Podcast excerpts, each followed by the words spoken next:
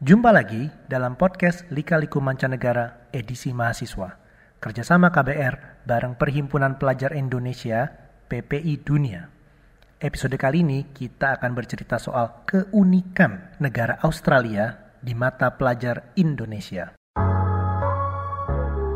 enaknya di Australia itu mereka first come first serve nggak benar-benar ada periode pendaftaran. Jadi kalau kita daftar, kalau lagi kosong bisa seminggu dua minggu udah ada jawaban kita diterima atau enggak. Halo semua, kita berjumpa lagi dalam Lika-Liku Mancanegara bersama saya Bimo Bramantio. Kali ini kita akan melalang buana ke negara yang ada di bagian selatannya dunia, yaitu Australia. Di kesempatan kali ini saya ditemani oleh teman saya Muhammad Fatahillah Zuhri. Beliau kuliah di Australian National University ANU Canberra di bagian Energy Change tahun 2016 sampai 2018. Beliau juga adalah presiden PPI Australia di tahun 2016 sampai 2017 dan untuk sekarang beliau adalah co-founder dari Papatong Motor, sebuah startup yang bergerak di bidang sepeda motor listrik. Halo Mas Fatah. Halo Mas Bimo. Ya, apa kabarnya? Alhamdulillah baik. Oke, terima kasih atas waktunya. Mas Fatah, untuk pertama saya ingin nanya dulu. Australia banyak banget nih teman-teman kita yang kuliah di Australia. Teman-teman saya juga banyak yang kuliah di Australia. Ceritanya beda-beda. Dari Mas Fatah sendiri, ceritanya gimana sih? Nah, yang menarik itu justru saya awalnya sangat tidak mau kuliah di Australia. Sangat tidak mau. Iya. Oke. Oke. Jadi awal kan udah dapat beasiswa LPDP nih. Oke. Dan karena jurusannya teknik engineering, langsung renewable energy Jerman. Motivasi pribadi juga pengen Eurotrip. Pasti ya namanya masih Betul muda dulu banget. pengen kayak gitu kan. Yes, backpacking ya, cross Ha-ha. Europe ya. Dan kalau Australia itu kan satu benua, cuman dia sendiri, jadi ya jalan-jalan ke mana pun tetap masih aja di Australia gitu. Iya. nah cuma ya long story short, saya dulu agak takabur, cuma daftar satu kampus di Jerman. Oke. Dan tahap pertamanya udah lolos, tahap keduanya enggak. Pas enggak lolos itu, itu semua kampus lain udah tutup tuh pendaftarannya. Nah Oke. panik kan, jadi daftar mana lagi mana lagi. Akhirnya ngeliat ke Australia, eh ternyata justru jurusan yang saya mau itu lebih sesuai di Australia, bukan di Jerman Iya, untuk konteks Indonesia. Iya, Iya. iya, oke. Oke, jadi akhirnya Jadi- memutuskan untuk ke Australia. Iya, blessing in disguise-nya di situ. Blessing. Oke oke, tapi gimana akhirnya bisa kuliah di ANU untuk jurusan uh, energy change ini? Nah, jadi kalau agak cerita ke belakang dikit, itu habis lulus dari ITB, saya kan kerja di perusahaan renewable energy setahunan, dan situ saya ngelihat kalau untuk Indonesia renewable energy itu penerapannya lambat bukan masalah engineeringnya, bukan teknisnya, tapi justru karena kebijakan kita itu nggak cukup cepat untuk keep up dengan perubahan di dunia. Jadi Menarik. saya nyari-nyari nih ada nggak yang belajar tentang renewable energy, tapi fokusnya itu dari kebijakan, kebijakan, manajemen, hukum, dan ternyata di ENU justru memang fokusnya ke situ. Oh menarik ya. Jadi, Jadi bukan dari teknologinya, bukan infrastruktur, tapi dari kebijakan public policy-nya. Bener. Oke. Terutama kalau teman-teman saya yang LPDP energi itu kan udah banyak banget tuh yang riset tentang teknologi apa, Betul, teknologi apa betul, gitu kan. yes. Nah, saya pengen ngisi kekosongan di sini dengan belajar ke kebijakannya justru. Oke menarik. Iya. Aku dan aku juga kalau di Jerman banyaknya itu yang tentang teknologinya sebenarnya. Iya.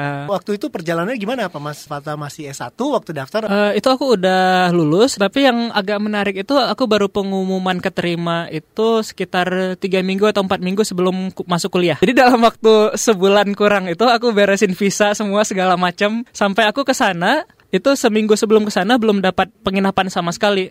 Bahkan itu uang LPDP belum cair loh, udah pakai uang pribadi aja dulu. Oh no. Iya. Enaknya di Australia itu mereka first come first serve nggak benar-benar ada periode pendaftaran. Oh, Jadi oke. kalau kita daftar, kalau lagi kosong bisa seminggu dua minggu udah ada jawaban kita diterima atau enggak. Oke, first come first serve. Iya. Oke oke. Itu aku yang masih ingat tuh seminggu sebelum aku masih memang ada komunitas LPDP dan mahasiswa lainnya di sana ya. Jadi bisa kontak ke mereka minta tolong dibantuin cari penginapan. Tapi memang kalau nyari penginapan yang permanen itu susah kalau kita belum ke sana karena yang punya rumah juga pengen lihat kita orangnya gimana. Untungnya ada beberapa mahasiswa kan yang pas summer break pulang ke Indonesia, rumahnya kosong, disewain sementara. Iya. Jadi awal datang setidaknya aku ada penginapan, gak kosong-kosong banget gitu. Iya iya. Tahun ajarannya bukan kayak di Indonesia ya, tengah tahun gitu ya. Enggak. Oke. Jadi semester 1 itu Februari ke akhir Mei, Hmm. semester 2 itu Juli ke November akhir. Jadi dari Desember ke Februari libur. libur summer breaknya Iya. itu situ. Oke. Waktu Mas di Australia, Hmm. gimana analisa Mas tentang sistem pendidikan di sana? Apa yang Mas Fata lihat perbedaannya Hmm. dari uh, belajar di sana dibandingkan waktu belajar di sini? Nah, yang pertama itu kalau sebenarnya tiap state, setiap negara bagian itu sistem SKS-nya beda-beda ya.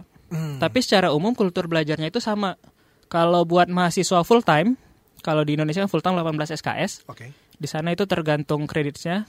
Kalau aku itu 24 SKS per semester Oke. di Canberra.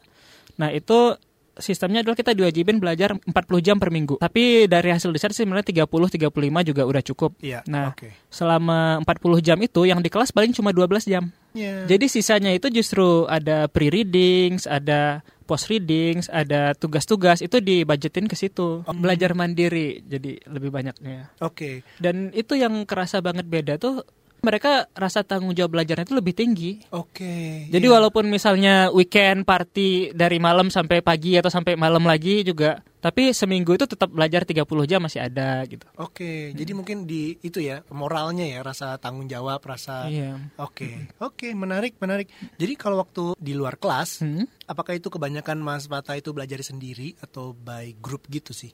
Nah, itu balik ke kebiasaan orang-orangnya. Kalau aku cenderungnya belajar sendiri, tapi pas kerjain tugas bareng-bareng.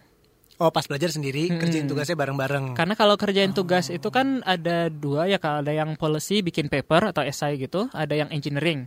Kalau engineering kan ngitung-ngitung. Oke. Karena aku belajar engineeringnya juga sebagian. Oke. Nah, kalau misalnya yang engineering itu memang kita banyakin belajar bareng buat diskusi dan saling ngecek. Nah, Hmm. kalau yang essay ini buat brainstorming ide. Karena sebenarnya kan tugasnya juga topiknya beda-beda ya, cuman konsepnya kan masih sama. Jadi kita saling diskusi ini pakai metodologi apa nih enaknya. Aku Oke, mau oke. bikin ini tapi datanya nggak ada, ganti data apa ya gitu. Gitu ya, pas belajar sendiri tapi pas diskusi itu baru bareng-bareng ya. Mm, Terutama menjelang ujian. Oh, iya, saling iya, melengkapi lah ya biasa. Sharing. itu programnya berapa lama, Mas Fata? Eh, dua tahun. Dua tahun ya? Oh, dua tahun berarti empat semester. Empat semester. Tapi kalau S2 di sana itu dari satu tahun, satu setengah sampai dua tahun ada. Oh gitu, programnya ada yang satu tahun, ada yang satu setengah, ada yang dua. Bagaimana dengan biasanya kalau S2 tuh di beberapa uh, negara itu ada opsi untuk kita Iya. internship. Kalau di Australia sendiri gimana? Eh, tergantung jurusan ya. Kalau beberapa temanku misal di jurusan bisnis and economics mereka pasti ada internship dan memang menye- menyelesaikan real case di perusahaan-perusahaan. Kalau di engineering juga ada tapi opsional sifatnya. Oh, optional ya. Nah, Jadi kalau- kamu masuknya uh, engineering atau Aku belajar di banyak fakultas. Aku belajar science, aku belajar engineering, belajar manajemen, belajar hukum, belajar kebijakan, ekonomi. Jadi campur-campur semuanya. tapi jadinya gimana? Kalau kalau kayak gitu apakah dirimu sempat part time internship juga? Jadi kalau on paper legally mahasiswa LPDP itu nggak boleh part time kecuali Oh, jadi oke. teaching assistant atau research assistant. Oke. Nah, jadi ketika masa kuliah aku nggak kerja sama sekali kecuali pas semester 3 itu aku jadi teaching assistant. Hmm. Tapi ketika summer break aku sempat kerja jadi cleaner, Hmm. jadi tukang masak dan Ya, Aku kan menarik. harusnya lulusnya itu Desember 2017. Tapi karena aku ada extension, Yes. belum bisa wisuda, wisuda selanjutnya sambil nunggu tuh aku ngambil internship di luar. Nice, oke. Jadi kayak gitu uh, normal ya di sana ya. Normal. Banyak sekali ya, apalagi pada saat summer break gitu ya. Iya, dan mereka juga karena prinsipnya kayaknya bebas bertanggung jawab ya. Jadi mahasiswa yang full time itu boleh part time, tapi secara peraturan kenegaraannya nggak boleh lebih dari 20 jam per minggu. Oh nice, betul Hmm. ya. Jadi part time-nya juga dibatasi. Kerja eh, dan kuliah kan Mas Fatah kerja juga, kuliah juga, Hmm. ada kerjanya juga ada yang eh, blue collar tapi ada yang research assistant juga. Teaching assistant. Teaching ya. assistant juga itu eh, gimana membagi ininya stress levelnya bagaimana di sana? Nah, aku sebenarnya ketolongnya gini, ketolongnya pas di awal semester kan mereka terbiasa mengalokasikan tiap kerjaan berapa jam seminggu. Oke. Aku pakai sistem itu buat hampir di semua hal yang aku lakukan. Hmm. Jadi misalnya ketika aku aktif jadi ketua PPIA, aku ngebudgetin nih seminggu aku berapa jam ngurus PPIA maksimal. Oh menarik ya. Ketika aku kerja juga aku budgetin berapa jam. Oke. Termasuk buat istirahat dan buat jalan-jalan aku budgetin. Iya. Karena kalau enggak stres banget sumpah. Banyak kan teman-teman yang saya tahu waktu saya di Finlandia banyak sekali yang time managementnya berantakan jadinya stres nggak bisa memanage semua kegiatannya dia. Tapi di atas kertas mungkin waktu dia ngambil, oh kayaknya bisa nih gitu. Iya. Tapi pas dijalanin nggak bisa. Nah kalau di Australia sendiri untuk anak-anak yang stres lah ya gitu ya karena banyak pressure, gimana sih eh, teman-teman di sana manage-nya? Jadi kalau Australia secara umum itu mereka memang dari kampusnya itu ada kesadaran buat ningkatin awareness terhadap mental health issue. Isu-isu kesehatan mental Iya. termasuk Bukan di kampus saja, cuman secara negara. maksudnya secara negara di institusi kampusnya Di itu institusi ada kampus, oke. termasuk iya. misalnya buat yang baru datang gimana adaptasi sama culture yang baru Oke. gimana mengatasi procrastination suka nunda-nunda Betul sekali ya. gimana kalau stres nah yang menarik itu justru aku stresnya itu di semester 4 Semester terakhir nih. Iya. Terakhir. Cuma untungnya karena memang aku suka ngikutin isu-isu mental health sebelumnya, jadi aku sadar kalau aku butuh bantuan gitu. Dan aku kan orangnya nggak gampang kebuka sama orang lain, termasuk ke teman-teman dekat kan ya. Jadi aku ngatasinnya itu aku banyakin main sama mereka, cuma for the sake of being there gitu, biar nggak Oke, sendiri. Iya. Tapi jadi ternyata masih berat juga, ujung-ujungnya ke psikolog juga ke counseling center konsul di kampus. di kampus. Oh iya, oke. Dan- itu sampai beneran nangis. Pertama ketemu sama orang asing suruh cerita dan sampai nangis gitu. Jadi eh, buat mereka mungkin apakah itu problema normal di Australia? Sebenarnya bukan cuma di Australia. Se- Kalau aku kan suka iseng baca-baca papernya juga kan ya. It- Di negara-negara maju itu jadi problema Iya. umum. Semua orang itu jadi cenderung lebih individualis dan lebih ngurus dirinya masing-masing kan ya. Sehingga Iya. kadang dia nggak sadar kalau dia itu kesepian. Nah, jadi aku coba ke counseling center itu ketika dari tengah semester sebelum zaman-zaman ujian tengah semester. Yang menarik adalah counseling center itu full book sampai akhir semester. Oh iya, Ya, untuk mahasiswa di kampus. untuk mahasiswa di kampus. Wow. Wow. Jadi mereka ada siapin slot cuma sekitar setengah jam atau satu jam per hari buat emergency case. Iya. Tapi itu mulai bukanya jam 9 pagi dan harus ngantri dari jam 7 pagi untuk daftar konseling. Wow. Sebenarnya kalau aku perhatiin di Indonesia dengan cerita teman-temanku juga baik di Indonesia maupun di negara-negara lain, masalahnya sama-sama aja, cuman karena kesadaran di sana buat menangani itu lebih besar, jadi mereka mahasiswanya secara sadar nyari bantuan. Makanya itu perlu juga peran kampus buat kampanye tentang pentingnya masalah kesehatan jiwa ini. Iya, iya, iya, iya. Mas, aku mau nanya, kita di Australia secara sebagai benua nih. Australia itu kan di bayangan orang banyak itu kan negaranya kanguru. Jadi ada dua kontras, ada yang wildlife, ada yang kota modern. Bagaimana sih orang Australia melihat itu? Apakah wildlife itu bagian dari diri mereka di kota-kota besar pun? Nah, jadi yang menarik adalah bahkan dari ketika Inggris berarti penjajah ya penjajah Inggris masuk ke Australia itu hal yang paling pertama mereka catat sebagai hal menarik itu adalah wildlife-nya. Sampai ada tulisan ini benar-benar negara nggak masuk akal dalam bahasa Inggris tapi ya, di mana angsanya warna hitam dan pohon itu berganti kulit. Di sana pohon itu tiap summer ganti kulit. Oke. Pertama kali saya nyampe sana dari udara tuh kelihatan kok gersang banget ya. Padahal kan Canberra itu kan hutannya banyak, tapi hutannya itu kayak hijau coklat gitu, nggak hijau yang Hijau subur kayak di iya, sini oke. gitu. Nah, jadi memang di sana itu kelembapannya rendah sehingga pohon-pohonnya juga warnanya cenderung hijau coklat. Terus juga di sana itu burung-burung dan hewan-hewan liarnya itu dibiarin gitu aja banyak banget. Setiap aku jalan pergi dari rumah ke kampus kalau lewat jalur sepeda itu pasti ketemu burung kakatua segerombolan dan itu sampai 50 sampai 100 ekor warna putih gede-gede segede ayam dan gak ada yang nangkapin sama sekali Nggak ada yang nangkepin ya? Gak ada bebek-bebek juga bebas di danau Oh, walaupun itu di kota ya? walaupun itu di Ah. kota jadi kita pertama bilang nih kayaknya kalau di Indonesia udah di sate ini Kalau kanguru gimana? Kangguru di Canberra lebih banyak daripada manusianya.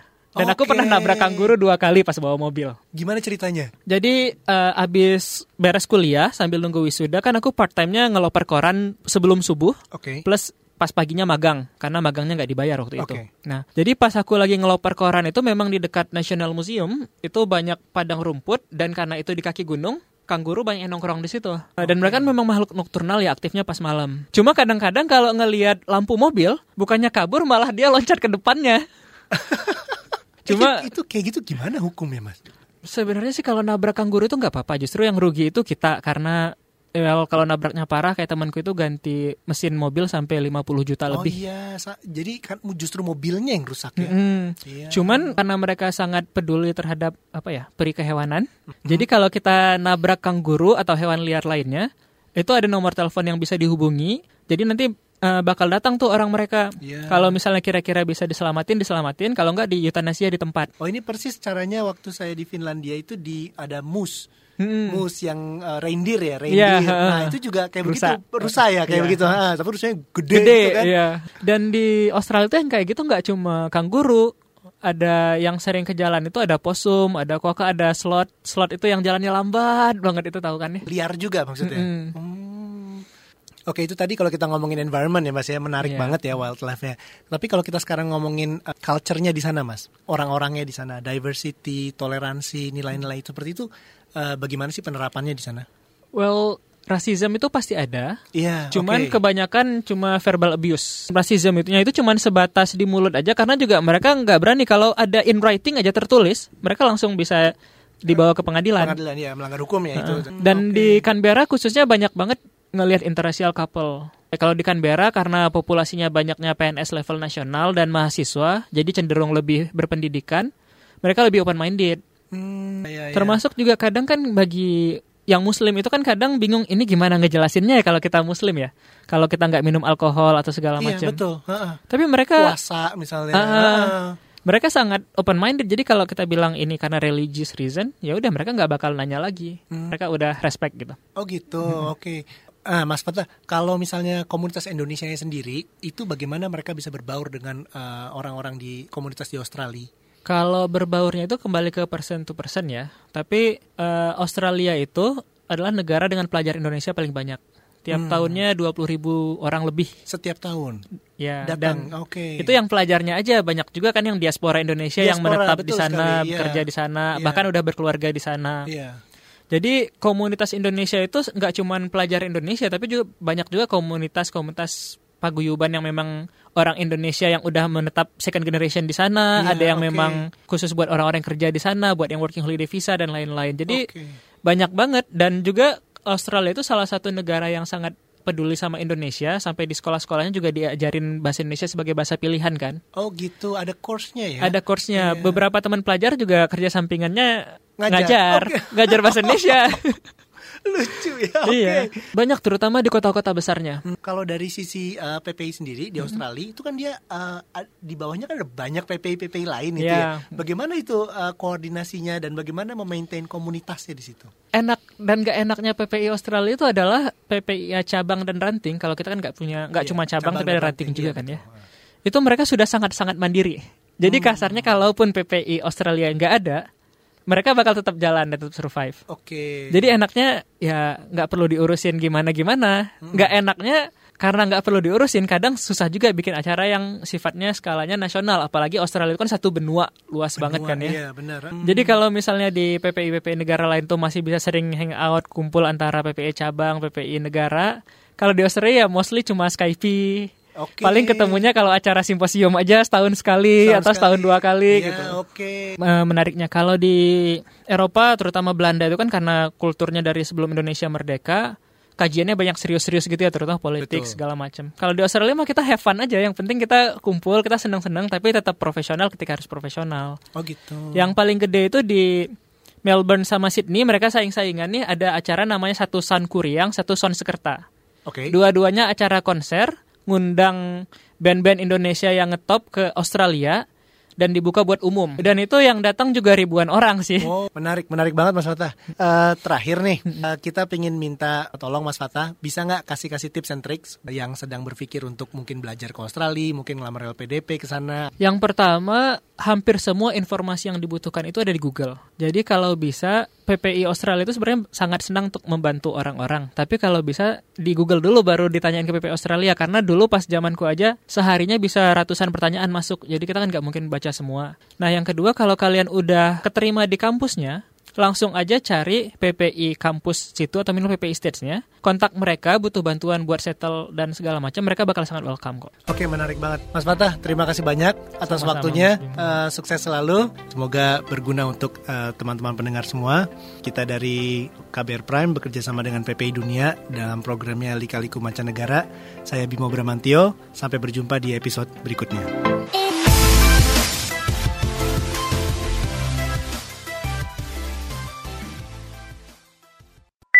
Simak terus ya podcast Lika-Liku Mancanegara edisi mahasiswa lewat kbrprime.id. Selanjutnya, kita akan ulas menariknya pengalaman mahasiswa yang belajar di Iran.